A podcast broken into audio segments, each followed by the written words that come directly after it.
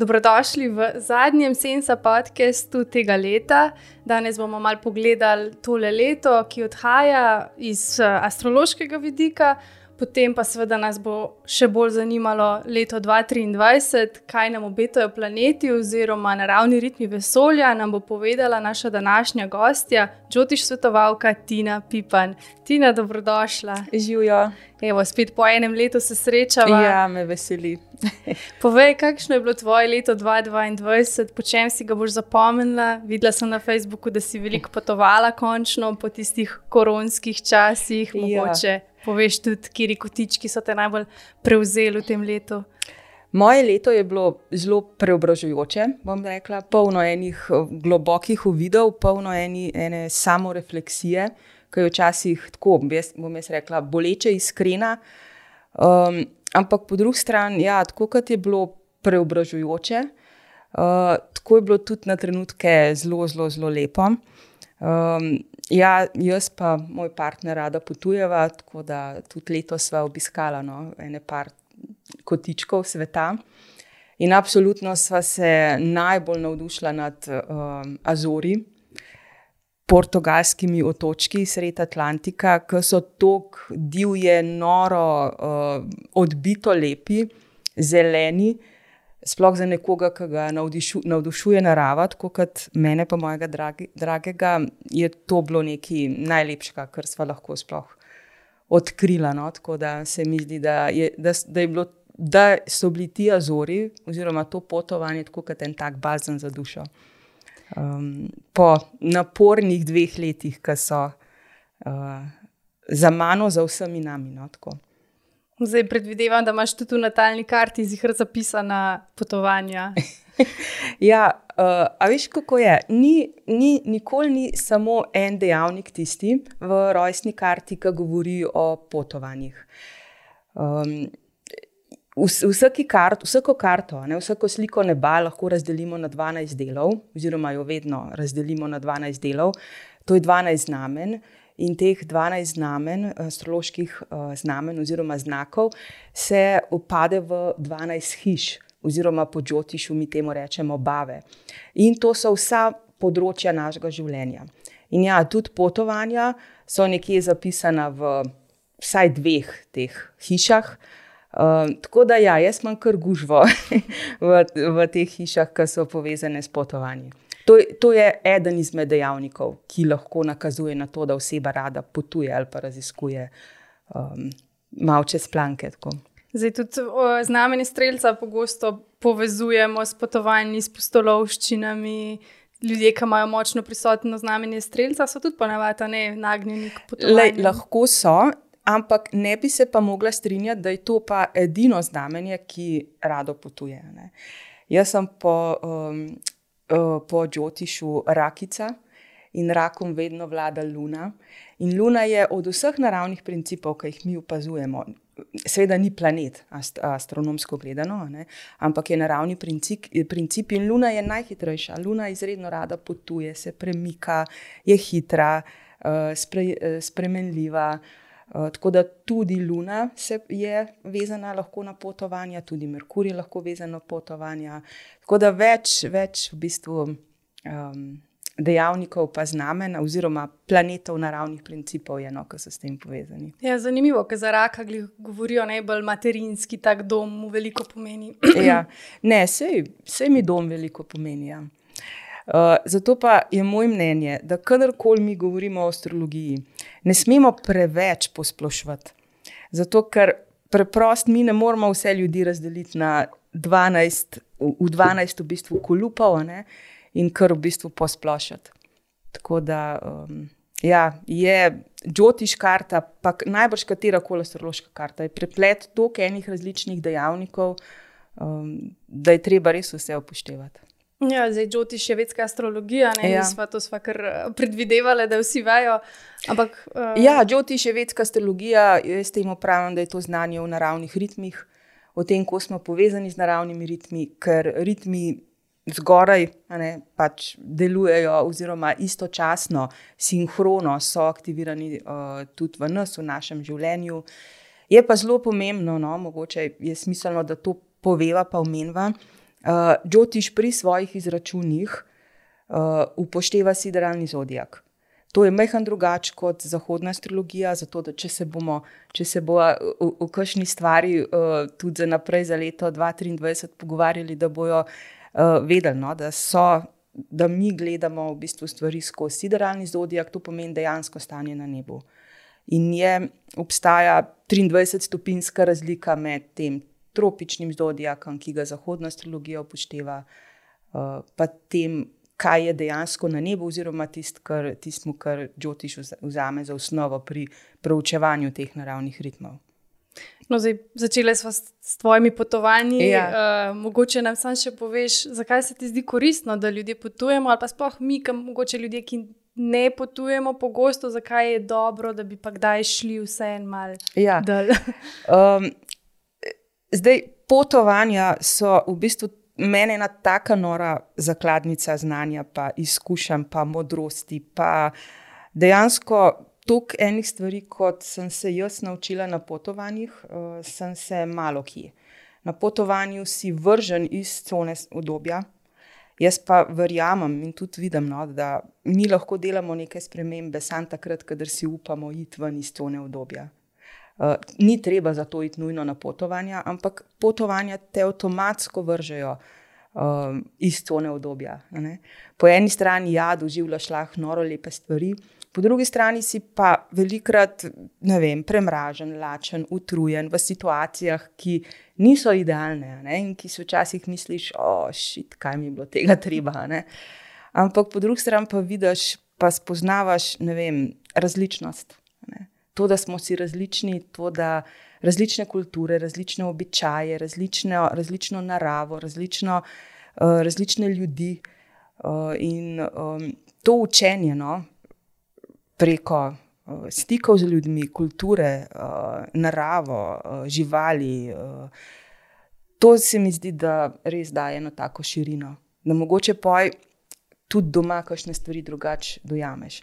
Pa še eno stvar bi povedala. Uh, Uh, noro hvaležni smo lahko in noro privilegirani smo zato, ker živimo v takem naravnem okolju, kot živimo. Mogoče je to včasih. Sami iz vidika ene majhne Slovenije si težko predstavljati, pa si mislimo, da je vse tukaj narobe, jaz bi spokoj pa šel. Ne? Ampak v resnici, ko gremo mi malo po svetu, ne? pa ne mislim zdaj samo razvite države, ampak ko gremo tudi v um, v predele, ki niso razviti, takrat majhen bolj začnemo ceniti to, kar tukaj imamo. Ne? Od svežega zraka, od to, da, imamo, da nam iz pip teče voda, ki jo lahko pijemo. Ne vem, noro smo lahko hvaležni. No? In to je tudi ena stvar, ki ti jo potovanja dajo. Da, to, da znaš ceniti to, kar imaš doma. Pa tudi, če si pa ne moreš prvoščiti, ne imamo pa tudi v Sloveniji to kotičko, ki se jih ja, da raziskovati. Seveda, absolutno. Uh, tako kot rada, uh, rada raziskujem svet, tako ne vem, skoraj ni vikenda, da ne bi šla malo raziskati, kaj še en konc Slovenije. Slovenija je čudovita. Ja.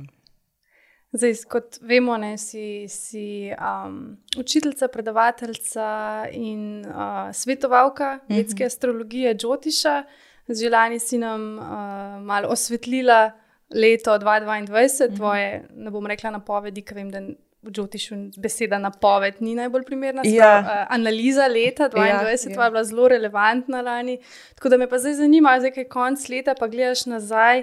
Uh, kako vidiš to leto v povezavi s planeti, kakšne povezave, kakšni dogodki, ki so se zgodili letos, ne mogoče malo retrospektiva leta, ja, ki je za nami? Um, Meni se zdi, v bistvu, da je bilo to leto, ki je za nami, da, je, da smo mogli vsak za sebe, seveda na osebnem nivoju, narediti neko integracijo lekcij, ki nam jih sta nam prinesli dve leti prej. Ta integracija ni nujno, da je bila samo srečna, lahko je bila tudi boleča, zato ker smo, se, uh, zato, ker smo na nek način mogli uh, vse stvari, ki so se nam zgodile, na novo postaviti, na novo vrednotiti.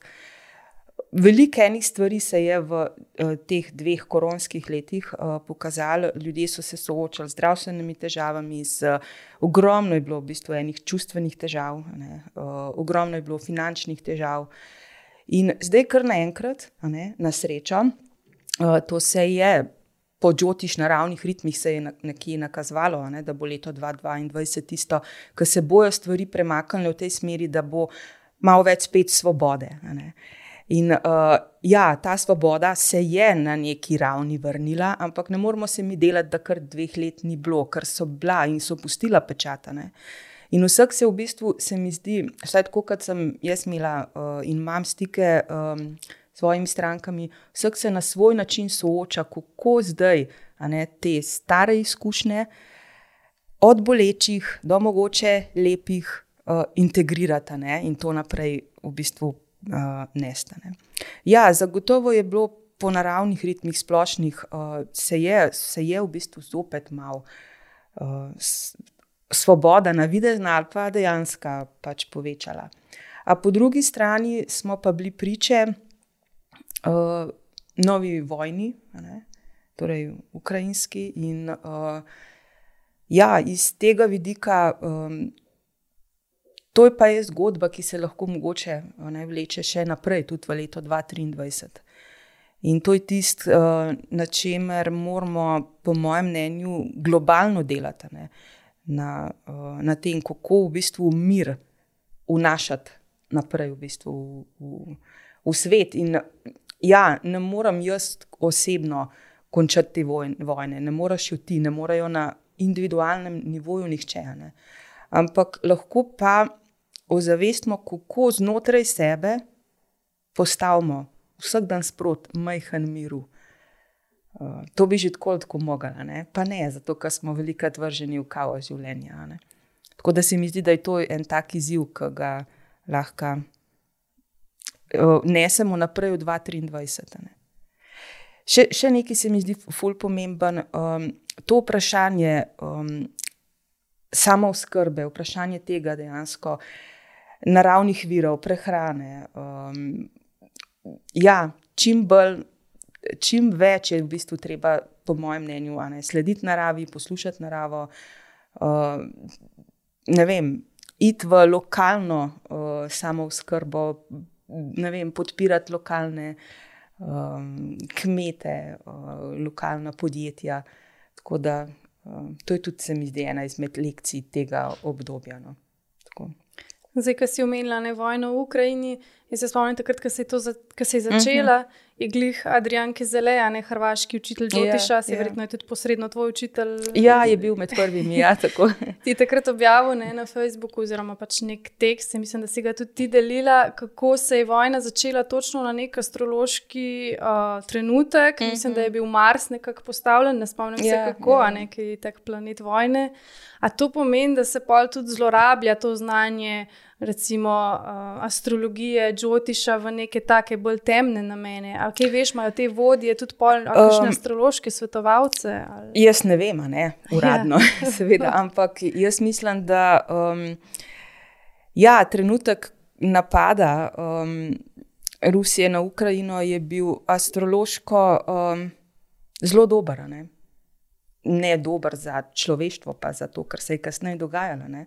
Ampak je bil v bistvu izbran, po mojem mnenju, ali na ključno, slučajno, kar je v bistvu po vsej verjetnosti malo verjetno, ne?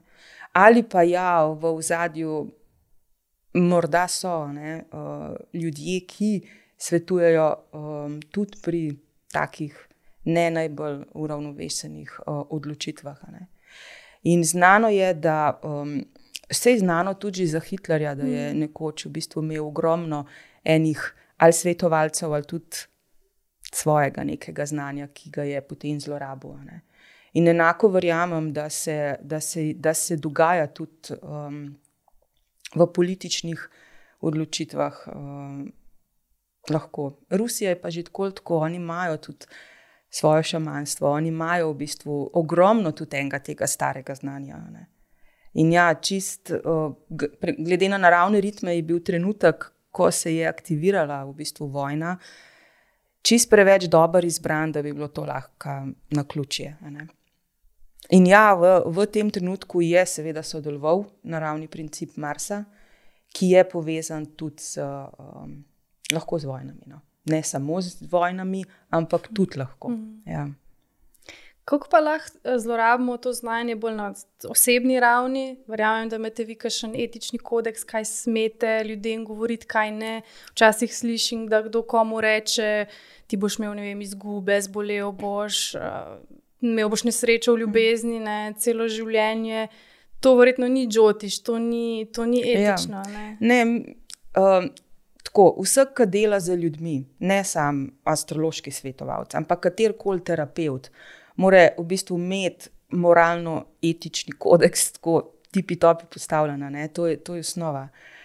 Um, je pa treba razumeti, da ja, Džotiš ni napovedovanje prihodnosti, ampak je res pomoč pri tem, kako mi lahko tudi mogoče ene stvari spremenimo.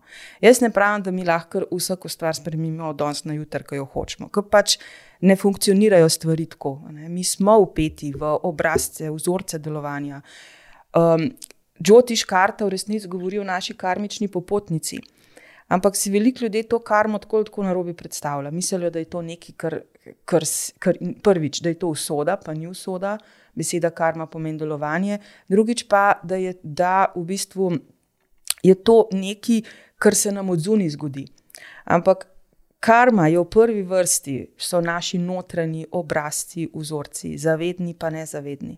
In mi smo tako zelo močno upeti ne, v, v način, kako iz ene misli speljemo čustvo, iz čustva speljemo neko reakcijo, uh, naredimo nekaj, to, to gre potem v neko prepričanje, itd. Ne. To so najglobji ti karmični vzorci. Uh, in ja, upeti smo v to in na podlagi tega se nam, seveda, in na podlagi ogromno naravnih ritmov, ki te stvari aktivirajo, se nam lahko določene stvari dogajajo. Ampak bistvo Džotiša ni to, da bi jaz zdaj nekomu rekla, to pa to se ti bo takrat pa takrat zgodil. In pa sem vsa srečna, ker se to v resnici zgodi. Ne? ne, človeka je treba usmeriti v pozitivno spremembo. Jaz verjamem, da se pozitivna sprememba lahko zgodi, da ni tako izziv vsak trenutek, da jo pa lahko naredimo samo, če imamo dovolj življenjske energije. Zato se mi zdi tudi ful pomemben človeku pomagati pri tem, kako poveča svojo življenjsko energijo. Ne. In ja, absolutno, um, treba je imeti nek uh, empatičen pristop, po mojem mnenju, ampak tako zelo zdravo prizemljena, ne, ne preveč v luftu, kar je pa tudi velikrat lahko problem. Uh, marsikirih duhovnih znanj. Ja, se sem bila pri tebi ja. nekaj časa nazaj in mi je bilo najbolj to, ker imaš res tako praktične.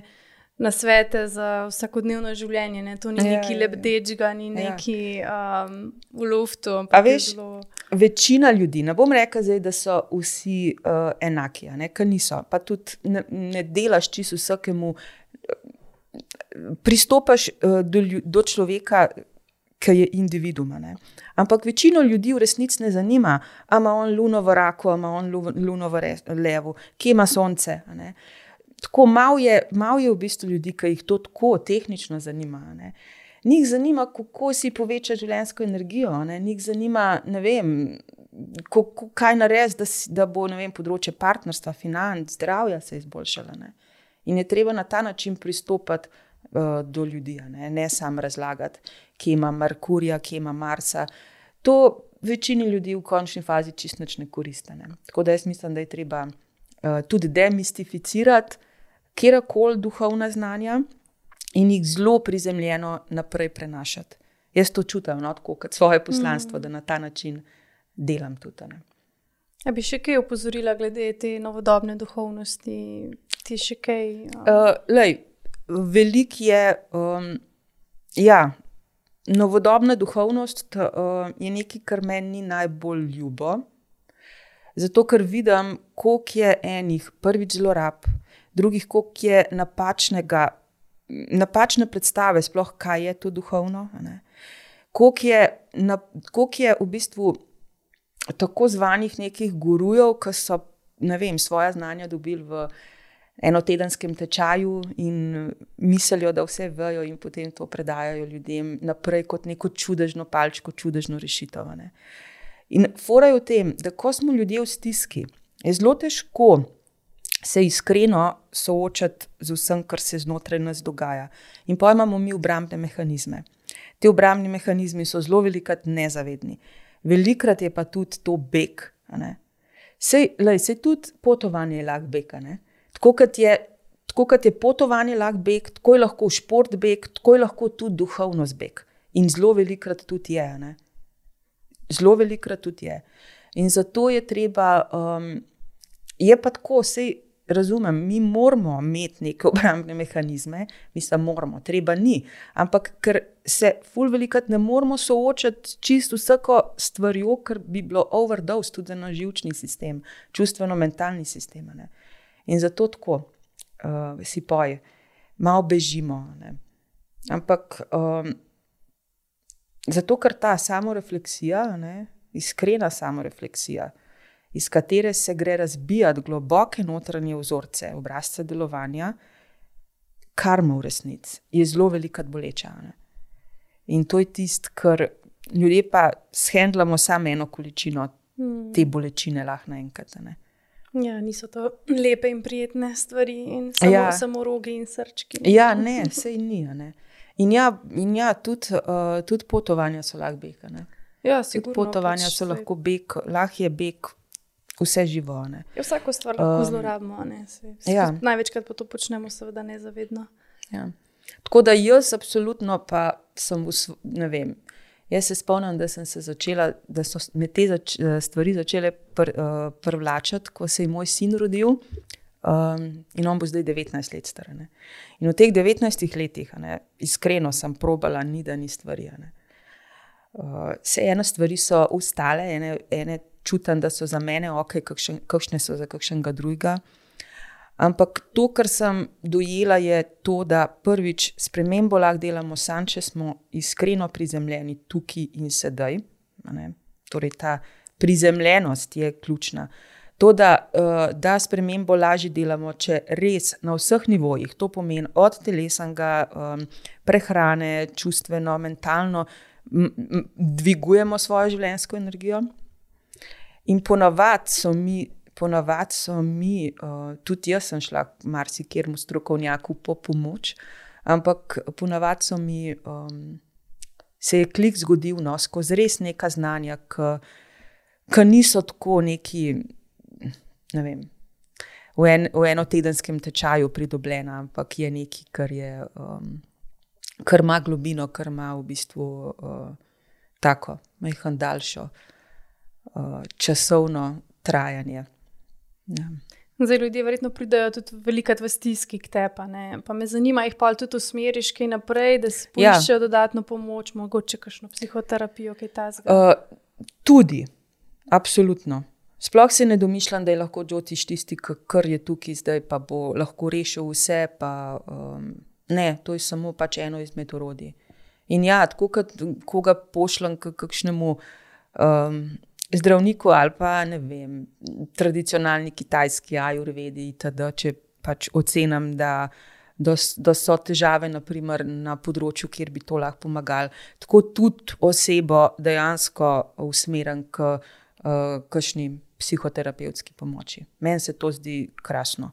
Iskreno, uh, ful je velik tabu, še vedno vezan na um, čustvene težave, ampak čustvenih težav se je zdaj v zadnjih dveh, treh letih. Toliko enih stvari v bistvu je butnil na vzven, ljudje smo se mogli ustaviti, veš. Nismo mogli več zbežati od, od nečesa, ne? in tukaj so se pokazale, tukaj so se pokazale naše rane. Ne? In ja, absolutno mislim, da psihoterapija, ne vem, take in drugačne um, tehnike, stare, kvalitetne, pogosto usmerim koga. Ja. Kam? Ja, zdaj, ko sem jaz odkrila Džotiš, meni je to čisto fascinantno, ne? kaj se uh mhm. -huh. to vse vidi v natalni karti. Mislim, meni je to tudi čista matematika logična. Mislim, matematika meni ni logična, Džotiš mi je logičen. Um, zdaj, zdaj ga tako občasno uporabljam, še za, ko sem v kakšni situaciji, kakšen dogodek se zgodi, mi nekako pomaga ne, to mhm. znanje. Uh -huh. Se pa zavedam, da ne moreš, ne, mislim, da moraš ti se to, ko si ti že govorila, da moraš speljati potem stvari v vsakodnevnem življenju, v odnosih, v, v tvojih čustvih in tako naprej. Tako da, ja, mogoče me še zanima, kako pa ljudem svetuješ, ne, da uporabijo ta znanja v vsakodnevnem življenju, yeah. Ja. da, ne, da ne, um, ne iščeš izgovorov ne? zdaj pa jaz tam vozil. Hiši partnerstva, tako da ja, itak, nima, cel življenje ja, nima tako, smisla. Ne, nima smisla. uh, naj najprej to povem, da Džotiš v, v resnici je matematičen sistem, zelo dodelan matematičen sistem. Valjda ni samo matematika to in ni taka matematika, kot si jo uh, mogoče ljudje predstavljajo, ampak gre za ogromno enih povezav. En, in, Ko moraš ponotraniti te povezave, in ko ponotranjaš te povezave, pa se mogoče še znotraj, a ne sploh, če, če še povežeš, povežeš z naravnimi principi, pa se dogajajo kliki. Ampak ja, jaz, uh, jaz zelo konkretno probam ljudi v bistvu usmerjati. To pomeni, da tudi. Um, Da ja, če vidim, da oseba se nič ne giblje, se lahko pogovarjamo ne, tudi 15-20 minut o tem, zakaj je, nas, zakaj je pomembno, naprimer, da vključi kakšno jogo ali pa čigong ali pa klinično somatiko ali karkoli tazga v svoje življenje. Ne. Uh, če vidim, da je oseba vem, izrazito nemirna, ja, se uh, tudi mentalno nemir, nemirna. Uh, veliko časa namenam, da ji povem, zakaj je naprimer, pomemben um, tiho meditacijo vključiti v vsak dan. Ne. Eh, pa so tukaj konkretni, konkretne usmeritve, tudi glede obdobij. Uh, veliko je vprašanj uh, o tem, um, kaj bi bilo dobro storiti. Tukaj je zelo pomembno zavedanje vsakega, ki dela čotiš, torej, da nismo mi tisti, ki odločamo. Ne? Ne, torej, veliko je takih vprašanj, zelo konkretnih, kaj naj naredimo. Mi lahko pogledamo preko naravnih ritmov, kaj je mogoče bolj uravnoteženo en trenutek, kdaj je boljš počakati, kdaj je boljš delovati, kdaj ne vem, mogoče res ena stvar ni v ravnotežju, pa jo je dobro spremeniti. Ampak nikoli, nikoli nismo mi tisti, ki odloča. In to je treba tudi zelo jasno stranki povedati. Uh, ker ni, tudi ni prav, da, da, um, da katera koli stranka, do katerega koli terapeuta pristopi na način, da bo on nekaj rešil na mestu osebe. Ker pač ne bo. Ne? Je pa tukaj, no, ja, velik, jaz dajem veliko konkretnih uh, napotkov. Ne. Od osebnega zvoka, kako si zvoka mogoče pomagati, od osebne smeri v prostoru, uh, ki nas podpira, uh, do vem, stvari povezane s prehrano, do tega, koliko so pomembne neke tehnike sproščanja, do mogoče kakšnega ugodnega obdobja, datumov, uh, kdaj kaj delovati, kdaj ne. In pa seveda tudi poznamo v Džotišu klasične preventive, upaje se jim reče, um, na podlagi katerih lahko določen energijski princip, ki je v nekem trenutku pri nas mogoče aktiven, v neravnovesju, uh, harmoniziramo. Ja. To pomeni konkretno, naprimer, uh, če je to vprašanje Marsa, ki bo tudi v letu 2023 zelo um, uh, aktiven. Je naprimer uh, ena izmed upaj, Ne, lahko tudi, da naprimer, na torek, ko je Marsov dan, naredimo nekaj za Marsovo populacijo, za gasilce, športnike, informirane ljudi itd. Ne. Predvsem je pa treba razumeti, da ta Mars ni zunaj nas ne, ali pa kjerkoli drug planet oziroma princip, ampak da je to, da je to nekaj, kar je v nas. Ne. In pa jo zaveščamo, počasi, počasi, se lahko vidimo, opazujemo, spreminjamo. Tako, jaz mislim, da funkcionira v resnici sprememba uh, najbolj takrat, ko se jo loč, lotimo na več nivojih hkrati. Ja. Ok, zdaj pa greva kar na glavno vprašanje, ki mislim, da že vsi čakajo leto 2023 kaj bo v spredju, kje je tematike, kaj se nam obeta. Povej nam vse, kar vidiš in veš o letu 2023. ja, tega je zelo veliko, tako da si gura ne bom povedala vsega, kar vidim, pa vem, zato ker. Um, Ritmi so skozi aktivni, to se skozi prepletajo vsak dan, praktično vsak dan uh, posebej. In tudi um, še nekaj, ne predem, grem majhen um, preko naravnih ritmov razložiti 2023 bi rada povedala, da vsem, vsak od nas ne, uh, ima svojo karto, natalno. Ne. In um, ljudje smo individuumi ne, in nekaj, kar, se, kar velja za enega, ne bo veljalo za drugega. Tako da te splošni naravni ritmi so res samo neke take splošne usmeritve. Ne moramo reči, da je to, kar vsak, da se bo vsakmu točen to dogajalo, pa nič drugače. Ne. Zato, ker je v Džotišu poznamo osebna, individualna obdobja, vsak je v drugem obdobju. Um, tranziti so pa v resnici naravni ritmi, ne, ki se nenehno premikajo in ki se dotikajo nečesa v, nad, v nas, aktivirajo nekaj v nas.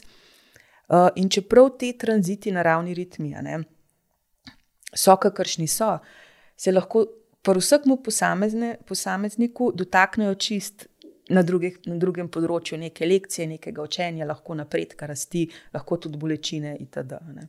Tako da to je tako. Um, treba se zavedati, no, da, je, da je dobro pristopiti, pa v, uh, pogledati drugače, tudi individualno, ne samo splošno. Ja, če pa pogledamo splošne naravne ritme, pa vidimo, da v leto 2023 vstopimo uh, z dvema retrogradnostma, kar pomeni, Uh, ni nujno, da to karkoli posebnega pomeni, ampak vse nekaj nakazuje. In sicer ta trenutek je že retrograden, princip Marsa. 29. decembra se pa v svojo retrogradnost prestavi še Merkur. In to bo prva izmed štirih retrogradnosti principa Merkurja, ki se nas bo dotaknil v letu 2023. Prvo, prvo traja do 18. januarja, In hkrati to leto 2023 potem tudi zaključimo z retrogradnim Merkurjem. Uh, ker ta zadnji retrogradni Merkur bo pa, mislim, da od 13. decembra pa pa do 2. januarja 2024. Zdaj pa tako, to samo po sebi, spet, vsako leto je trikrat ali pa štirikrat princip Merkurja retrograden. Um, in Včasih slišim ali pa tako vidim zapis, da je okay, zdaj konec retrogradnosti Merkurja, zdaj pa ni nujno, da je on za vse kriv, zdaj pa spet lahko mi prevzamemo odgovornost za težave. Ampak dejstvo je uh, komunikacija, izrazna moč. Um, Trgovina, papirologija, uh, diplomacija, vozila, promet, vse to je povezano z Merkurjem. Torej, veliko enih stvari, ki nas obkroža, sploh v našem svetu, tudi nekega poslovanja, eh, odnosov z ljudmi, ne, je vezan na princip Merkurja. In se mi zdi, ko je Merkur retrograden, ne, bi lahko vedno, ne zdaj samo v tem letu, ne, vedno upoštevali dve stvari. Ne, da je včasih mok zlato in da imamo dvoje v šest, pa eno usta, kar pomeni več poslušaj, mogoče manj govori. To je tako, to ne velja zdaj samo za leto um, 2023, ampak nasplošno, zavedno, uh, nasplošno vedno. Ne. Zato, ker je v, v obdobjih retrogradnega Merkurja, ful velikrat narobe slišimo. Narobe, um, Mer, Merkur je povezan tudi s tem, z jasnim razločevanjem, ne. kaj je naše, kaj ni naše. Kaj je, vem, eno čustvo bilo presredovano, kaj smo mi mogoče slišali. Zelo velikrat lahko pride do napačnih. Eh, predstav, do, do tega, da slišimo stvari drugače, kot so bile mogoče posredovane, ali da mi v resnici posredujemo stvari uh, na neprimeren način. Zato je ful pomembno ne, v retrogradnem Merkurju, da ja, majhen paziti, no, kako so stvari skomunicirane, malo kdaj pa kdaj pač se nam reka zadržati. Vse je pomembno, da stvari skomuniciramo. Samo je tudi pomembno, da je ta prav čas, da je na ta prav način, da se zavedamo, um, ja, kje je naša odgovornost, kje pa je ena druga odgovornost. Ne. Tako da to, to se mi zdi ful pomembna lekcija. In še nekaj se mi zdi ful pomemben. Dezinformacije, ki jih je na netu ogromen. Ne. To so vse možne teorije zarod, to so take in drugačne vem, informacije, ki jih ljudje preko vseh možnih teh uh, zunanjih kanalov kar pijejo v sebe. Ne? Zato, ker si želijo vem, rešitve, si želijo in poj. poslušajo vem, dni, en dnevnik, pa drug dnevnik, pa tam m, preberajo nekaj. In to je čist preveč v bistvu enih stvari, enih informacij, ki jih naš živčen sistem na dnevni ravni sploh lahko procesira. Tako da moj iskren nasvet bi bil, ne? Najbrž ne samo za 2023, najbrž za naprej, ne? da dajmo se malo umakniti od vse, ne vem, od teh poplave informacij, ki jih lahko preko, da ne govorim o družabnih omrežjih, ne, da ne govorim o, ne vem, o tem, kako so v bistvu te neke sploh težke ne, zgodbe, težke informacije posredovane um, do nas. Ne. In zdaj, ali se zavedamo, ali pa se ne zavedamo, to ful vpliva na našo energijo. Tisti, ki smo bolj senzibilni, ki smo bolj občut, občutljivi, to tako tako ful zaznavamo. Ne. Ampak naš živčen sistem je preobremenjen. Ne. In kaj se poj dogaja, poj imamo uh, nemir, poj je povečane, ne vem, povečane misli v glavi, povečan, vem, kortizol, uh, adrenalin itd. In potem mi ne moremo več odločitev za sebe, oziroma težje nam reka, da ne moremo ne, sprejemati odločitev za sebe iz tistega miru, vse pa iz neke ta prave postavitve. Ne. In se mi zdi, da, da, je, um, da je leto 2023 super za to, ne? če se bomo tega zavedali, da v bistvu gremo od poplave zunanjih informacij, ne? sploh na takih in drugačnih uh, teh družabnih omrežij, da, da, naj, da gremo navznoter. Pa da ta pravi informacijo včasih dobimo. Takrat, ko ugasnemo televizijo, ali pa telefon, ali pa računalnik. Ker retrogradnost ne pomeni, ni nujno slaba. Valjda, vsak naraven princip, ki je retrograden, je močnejši po svojem delovanju. Zato lahko te stvari močneje čutimo. Ampak retrogradno pomeni ponavljanje, poglabljanje, popravljanje. Ne? Lahko, če se zavedamo ne? tega. Tudi stvari vezane na našo komunikacijo, ne? komunikacijo sami sabo ali pa svetom, ne? pač popravimo. To se mi zdi ena izmed lekcij v uh, eh, 2023. Lagre pa seveda tudi v drugo skrajnost, ne? ki bo pa potem, ja, Merkur, ok, en kup enih informacij, lahko pride do nas, ali pa jih mi damo, ki so v bistvu mogoče popačene, pa ne, ne lih najbolj uravnotežene. Ne? Ampak Merkur je na telesnem nivoju povezan spet z žilčnim sistemom, žilčni sistem, imunski sistem, zgornja dihala. Ne?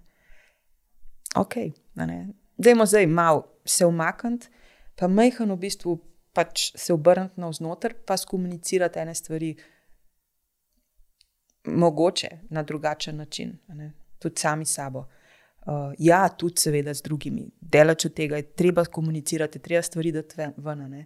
Sam pač, mogoče sta pravo osebo na ta prav način. No. To je ena izmed lekcij. Ja. Ja.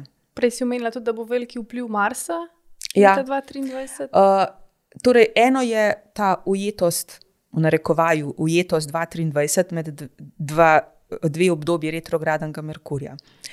Uh, smo si pa, po mojem mnenju, v bistvu vsi astrologi, ne, tudi zahodni, um, kar uh, v bistvu edini v tem, da, ja, da v letu 2023 pa ima močen vpliv tudi princip Marsa. Uh, že vstopimo v leto 2023 z retrogradnim Marsom. In potem se pa dejansko zgodita dve pomembni stvari skozi Džotiš naravne ritme. In sicer, mislim, da od 10. maja do 36. je ta, retro, je ta Mars, ki ne bo več retrograden takrat, ampak je Mars v stanju svo, svojega velikega neravnovesja. To se ne zgodi vsako leto.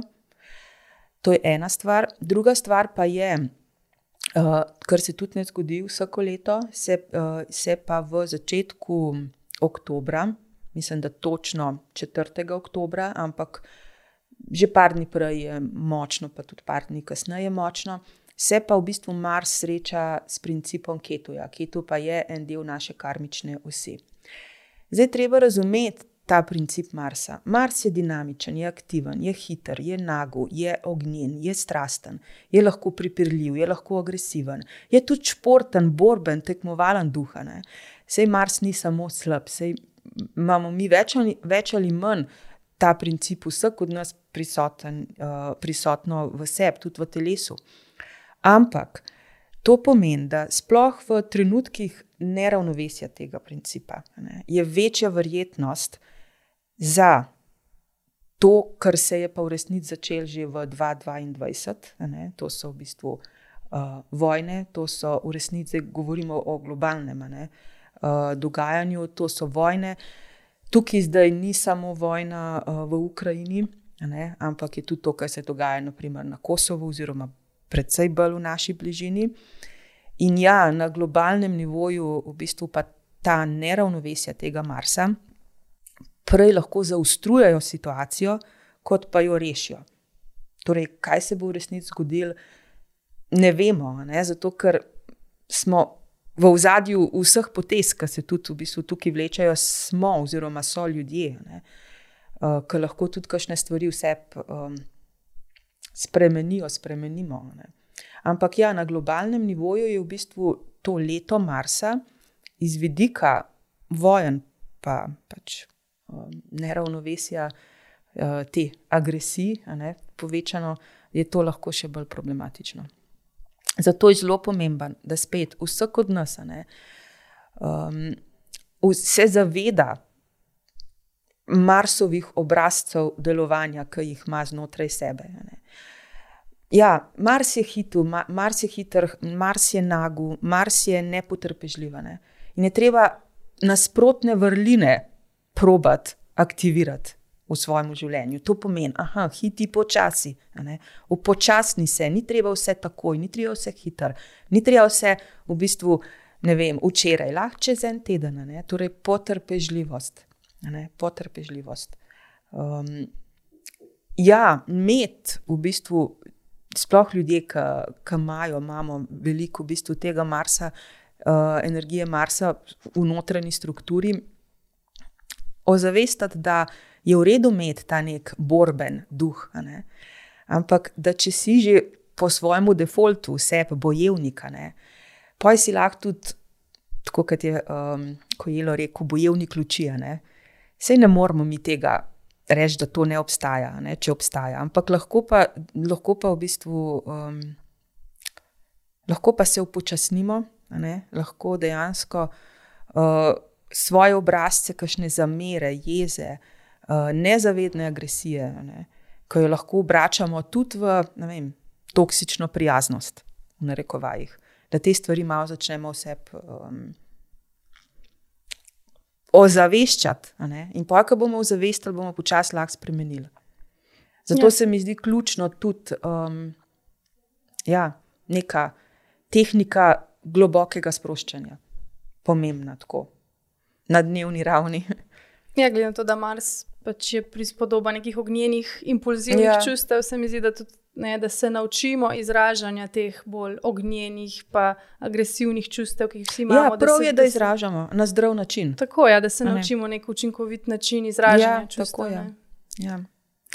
Um, no, moram pa reči, da. Ne, nobeno leto ni tako črno-belo, in tudi leto 2023 ni črno-belo.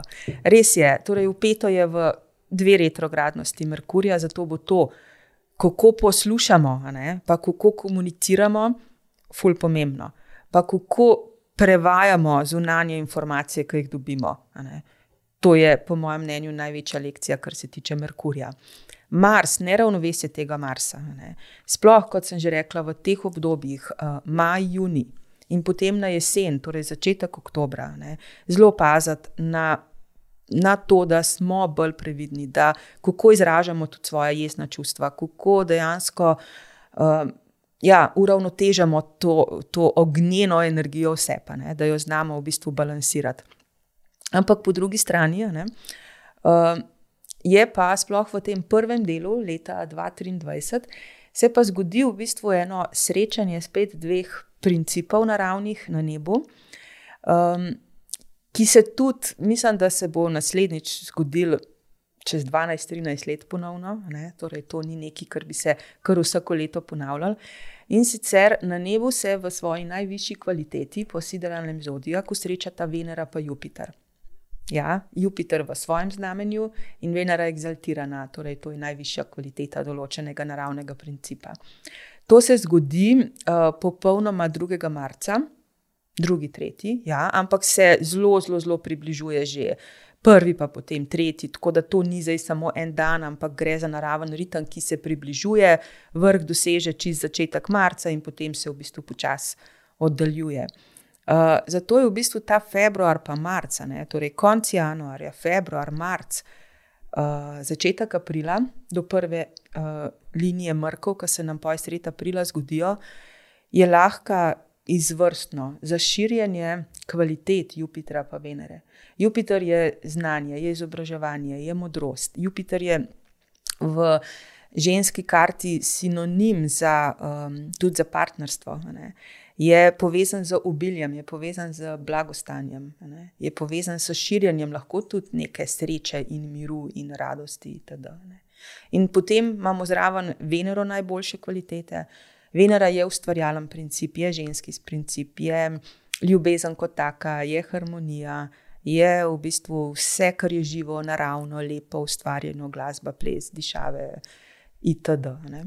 Tako da je izvrstno, izvrstno obdobje za to, da postavimo lahko neke kvalitetne temelje, iz katerih mogoče v kasnejših obdobjih tega leta, ko bo majhen bolj ognjeno, lahko lah črpamo poj.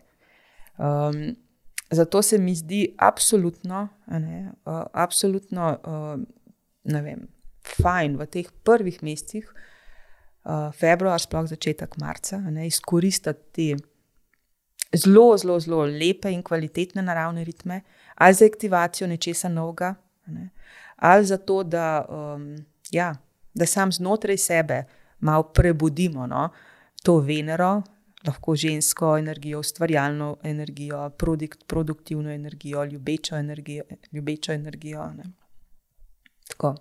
Kar zanimivo je še to, ko bo Mars uh, v svojem neravnovesju, mu bo Venera sledila.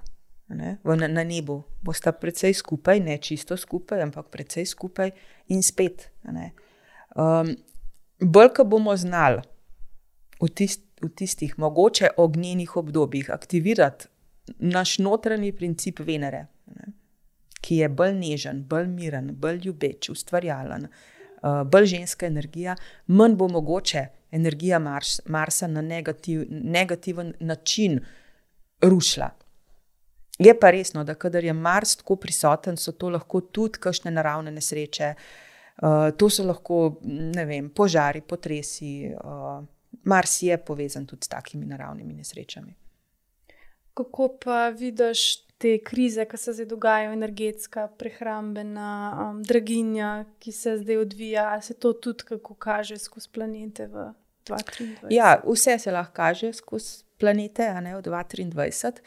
Jaz mislim, da uh, ravno, ravno to, uh, in tukaj je zdaj malo nasprotje. Um, v 2023 vidno, po eni strani se ravno februarja, marca, ko se združita ta dva naravna principa, Jupiter in Venera, se lahko odprejo vrata tudi k tem, da se v bistvu začne reševati ne, prehransko blaginjo, energetsko blaginjo itd. Uh, tako da to je zelo pozitiven vpliv, um, ki lahko v bistvu nakazuje uh, začetek rešitve no, tega. Ampak um, glede na to, da pa je Mars uh, potem v, tudi v jeseni ne, aktiven in se združi s Ketujem, Ketu je pa tako, da bi dvojnega Marsa dal zraven Marsa. Ne. Ketu je nago, impulziven, uh, tudi lahko agresiven, nenaden, ne, zelo ognjen. In tukaj bi jaz rekel, da se te stvari uh, kar se tiče, zelo treba paziti takrat, no, da se um, na globalnem nivoju ne, se lahko vojno stanje, ki je zaustri, vse to pa lahko vpliva ne, tudi ponovno na energetsko blaginjo, prehransko blaginjo itd. Tako da bi rekla, da, da krize ne, ni še konec. noč, ampak absolutno pa mislim, da imamo vsi vse toliko enih um, potencijalov, da jaz bi rekla, da je ja, treba je vsak za sebe pogledati, kje na kakšen način ne, lahko ene stvari drugače postavi v svojem življenju, drugače vrednota. Uh, tukaj se mi zdi ključna samo skrba, čim več v bistvu biti um, povezan z uh, samo skrbo. Manj si odvisen od zunanjih dejavnikov. Se pravi, nekak, če povzamem, zdaj je leta 2023, da probamo vlagati več pozornosti in energije ne, nekako vase, v, v stran od vseh teh motečih dejavnikov, da skozi scrollamo po telefonu, po računalniku, ampak da malo bolj gledamo nekaj. Ja, v telefonu pa računalniku ni rešitve, veš. Vse smo vsi na telefonu, pa na računalniku. Sam tako, da ni tega preveč, da znamo v resnici videti, da življenje ni tam v telefonu, pa v računalniku ampak um, da je v resnici v, v drugačnih odnosih in da je v resnici uh, v tem, da ja, znotraj sebe aktiviramo moč oziroma znanje. Um, ja. Zdaj, prej si omenila, da bo, bo za novo leto, letos imamo retrogradni Merkur, ali imaš še kakšen napotek za Silvestro, da se, vem, če, če gremo kam, pejte eno uro prej. Ja, ja no, takrat tak na potek je vedno. Ampak lej, se to se kašni smejijo, ampak v resnici, čisto v resnici, Merkur je vedno. Z logističnimi, s prometom povezan, od letalskega do v bistvu transporta, do uh, prometa na cesti. Ne. In v resnici je mnogo več nekih zapletov, mnogo več nekih zamud, mnogo več nekih težav, v obdobju tega retrogradnega Merkurja. Tako da, ja, če, če greste kam v bistvu za novo leto, ne, če potujete kam, pa, pač prvič več časa, drugič malo več pozornosti, biti bolj prisoten v trenutku. Ja. Poglej, dvakrat, da si štedilnik ugasnil, likalnik, likalnik za lase, ki bomo ženske si ravnali. ja, take zadeve. pa, lej, pa da, da, da, se, da si v, pač da si v stiku z ljudmi ali pa z družbo, ki ti je blizu. Ne, ne, ne siliti v družbo ljudi, ki se mogoče ne počutiš dobro, ki veš, da se že tako rad skregaš, pa se už pa še takrat skregal, zato ker, zato ker ne vem, mogoče kdaj ne znaš reči ne. ne. Le, um, moramo znati tudi reči ne, ne. moramo znati včasih tudi. Uh, nečemu zunaj, re, zunaj nas reči, ne. ali je to zdaj oseba, ali je to zdaj vem, računalnik, ali je to zdaj neka tab tablica ali telefon ali kakorkoli. In je poj lahko več, uh, manj konfliktov znotraj ali pa zunaj. Tako da ja, ne, ho ne hoditi, ne biti v, bit v družbi, ki si, si jo ne želite, ali pa ki ste na lih na meji, da bi se že tako tako skregali, brez veze. Ja, to je sigurno nek znak, da se imaš rad, ne, da ne boš šel ja. tja, ker veš, da se boš slabo počutil. Ja. Uh, kaj pa novoletne zaobljube? A je čas retrogradnega Merkurja primeren čas za neki postavljanje novih ciljev, ali počakamo tiste tri tedne, pa si pol sredi januarja raj postavljamo uh, nove? Uh... Jaz, nikoli, no, jaz nikoli nimam novoletnih zaobljub. Zato, ker lej, če že, že moraš narediti nekaj uh, neke zaobljube v tem času. Potem, v bistvu, uh, potem se to naredi na solstici. Uh, torej, um, solstici zimsko, zimski je točka, ko je sonce najnižje, ne, vezano v bistvu na to našo severno poloblo, in ko se zopet začne svetloba rojevati. Torej, to je najdaljša noč, najkrajši dan. In po, če, če upoštevamo naravne ritme, ne, po je solstici tisti, ki je resnično novo rojstvo oziroma nov začetek, nov začetek nekega solarnega ciklusa, solarnega kroga. Ne. Tako da, ja, energijsko bi rekla, da je to poj boljš, mislim, da v sredo naresta, uh, torej na solstici, kot na, um, uh, kot na novo leto. Uh, ker novo leto, ja, pač ni, nima v resnici povezave z nekimi naravnimi začetki. Če pa že, ne, ja, pa pa počakajte tudi, da se ta retrograden Merkur obrne. Um, res je, da so po zaključku tega retrogradnega Merkurja še eni naravni ritmi na nebu, kakšen teden niso najbolj ugodni, ampak konec januarja, februar, marc, takrat bo čas za realizacijo, aktivacijo, cilje, uh, udejanjanje. Uh, tako da jaz bi priporočila počakati na takrat. No. Ja, tudi kakšni večji nakupi, ne, podpisovanje ja, pomembnih ja, pogodb, ja, te ja, stvari. Tako, ja. Takrat niso najbolj. Idealne. Ne, zdaj le, zdaj le ni, ni najboljši čas za to. Torej, retrograden Merkur že tako, tako nikoli ni uh, dober za neke večje nove začetke. Ampak bolj za retrospektivo pogledati. Ja, ponavljanje, popravljanje, poglabljanje, mm. retrospektiva. Tako. Bi pa še dve stvari omenila, kar se tiče naravnih ritmov. Vsako leto imamo mrke. Ne? To so tudi eni izmed naravnih ritmov, ki so vsako leto. Um, in letos so mrki 24, pa 5, 5, potem pa 14, 10, pa 28, oh, 10. uh, v glavnem. Um, To tudi ni dober čas za nove začetke to tudi ni dober čas za nove začetke. Takrat, je, um, uh, takrat se v karmično os ujame ta sonce, ujame, ta, ujame luna. Uh, lahko si tudi zopet paziti, kaj mislimo, kaj čutimo v tistem obdobju. Ni vse odraz realne situacije. Uh, Majhen več pozornosti. Uh, V prometu imamo več pozornosti v tem, da, pač, da tako, smo bolj počasni, bolj v bistvu zavedni vsakega trenutka. In to obdobje, ne, tri dni pred mrkom, pred prvim mrkom in tri dni po zadnjem mrku, uh, to je ponavadi eno en, tri tedensko obdobje, ni ok za nove začetke. Je v redu za, po, za poglabljanje, za obračanje navznoter. Ja, seveda, življenje teče, mi živimo tudi takrat, ko so mrki, pa je retrograden Merkur. Ampak da bi pa lih takrat, ne, ne vem, načrtovali nekaj res velikega novega, ne vem, poroko, podpis pomembne pogodbe, nakup stanovanja, menjavo avta, to, pa, to se pa odsvetuje. Zakaj pa, če si jaz enkrat že prej se zmenila za avto in pa sem čakala, da je bilo konc retrogradnega Merkurja in pa sem šla po njega. sem zmenila sem se pa že prej. A veš kaj? Sej, no, ja, kaj je zdaj začetek? To je zdaj ful pomembno vprašanje. Ampak tu gre, tu gre predvsem za to, no, kdaj nekaj podpišeš. Ne? Ker Vse veš, mi, se, mi, mi, mi si tudi sami sabo, ne v glavi, si velikrat se menimo, ne pa velikrat se nekaj odločimo, pa velikrat nekaj začnemo. Ne. Ampak tako pri teh večjih stvarih, stvarih je to ponovadi tako, takrat, ko podpišeš ne, nekaj, karkoli že. Ne. Uh -huh. Ali pa ko prvič spiš v stanovanju, ne, ali pa ko ne vem.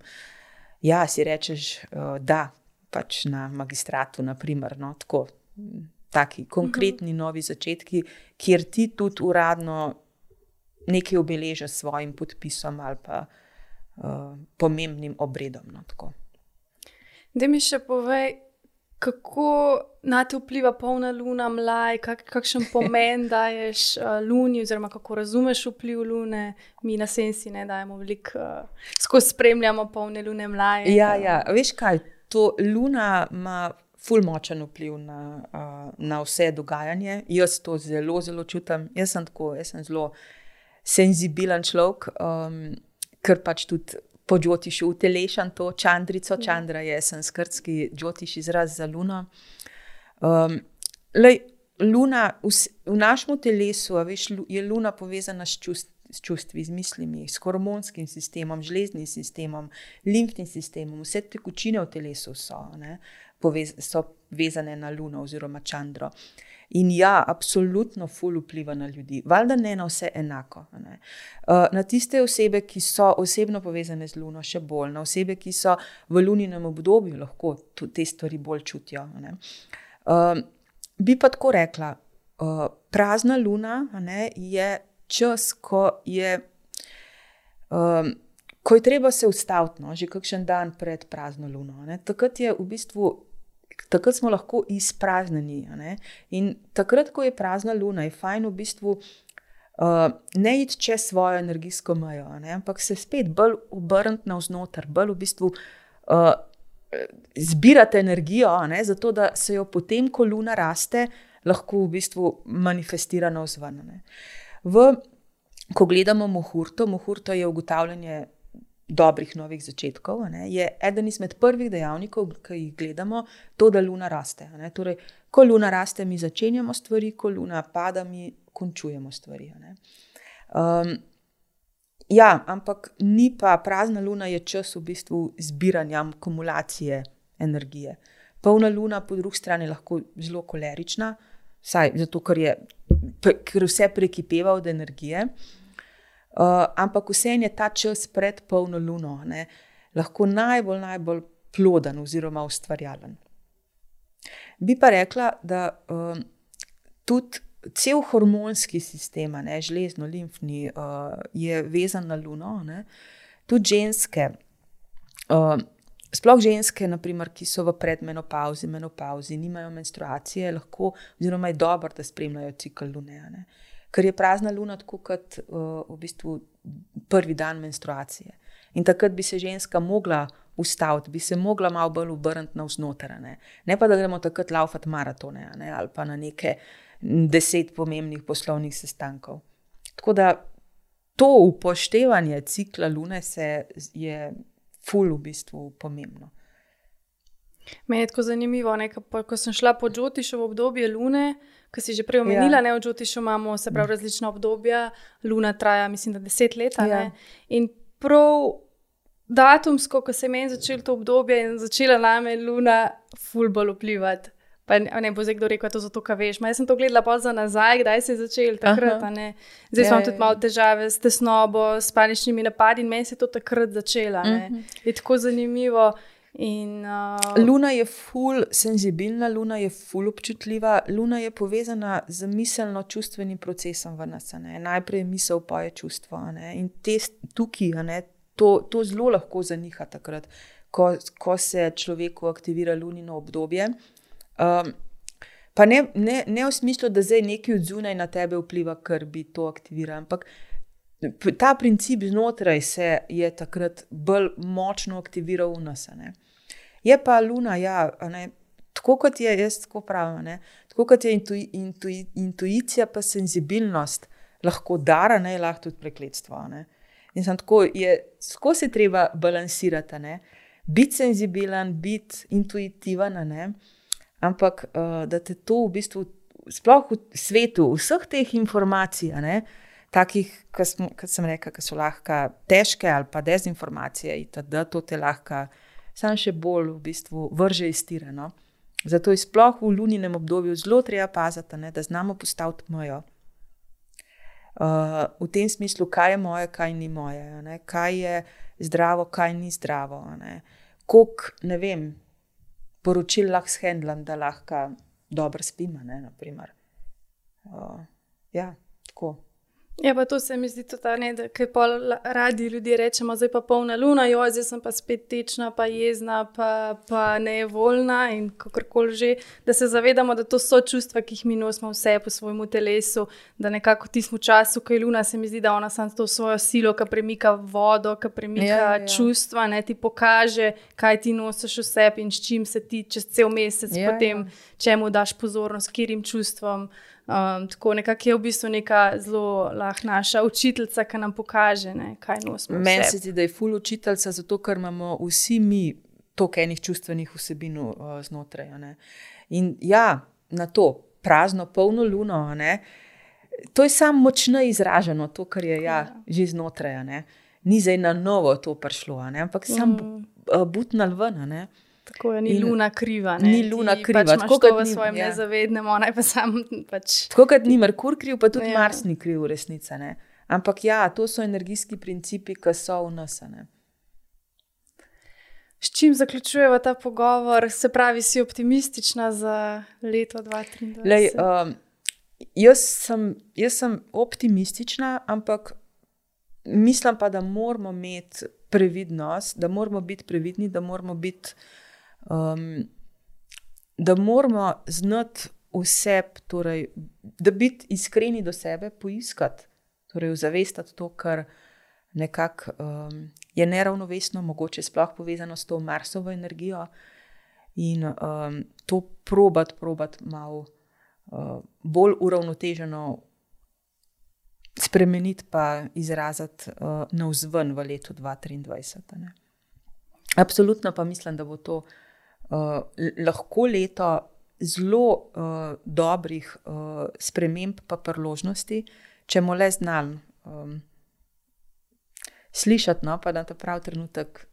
Na ta prav trenutek biti aktivni, pa na ta prav trenutek biti manj aktivni, oziroma na vzven delovati, pa iti tudi na vznoter.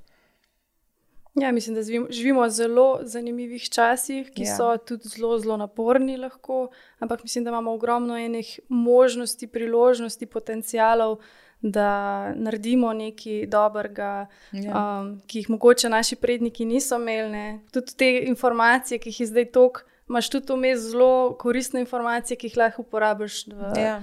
da eh, z njimi nekaj narediš. Na sebi je ne dobrega. To se pravi, najdete prave informacije iz njih. To je fulj pomemben. Najdete prave informacije, sploh zato, ker je leto med dva retrogradna Merkurja. Ne? In znati v bistvu prepoznati te dezinformacije, uh, in pa na ta prav trenutek delovati, znati se pa tudi ustaviti takrat, ko je treba. Ja. Hvala, Tina. Ja, z veseljem. Za tvoje interpretiranje planeta oziroma prevajanje tega čutiš jezika v nam bolj razumljiv. Jezik. Jaz ti želim veliko raziskovanja v letu 2023, tako na vzven, da boš še naprej občudovala lepote tega planeta, kot seveda tudi na vznoter, da boš občudovala um, te človeške globine. Ja. Najlepša hvala, enako, seveda. In seveda tudi vam, gledalci, poslušalci, želim en miren prehod v novo leto. Hvala vsem, ki ste spremljali moje podcaste v tem letu in se vidimo, slišmo spet naslednje leto z novimi temami. Hvala in srečno.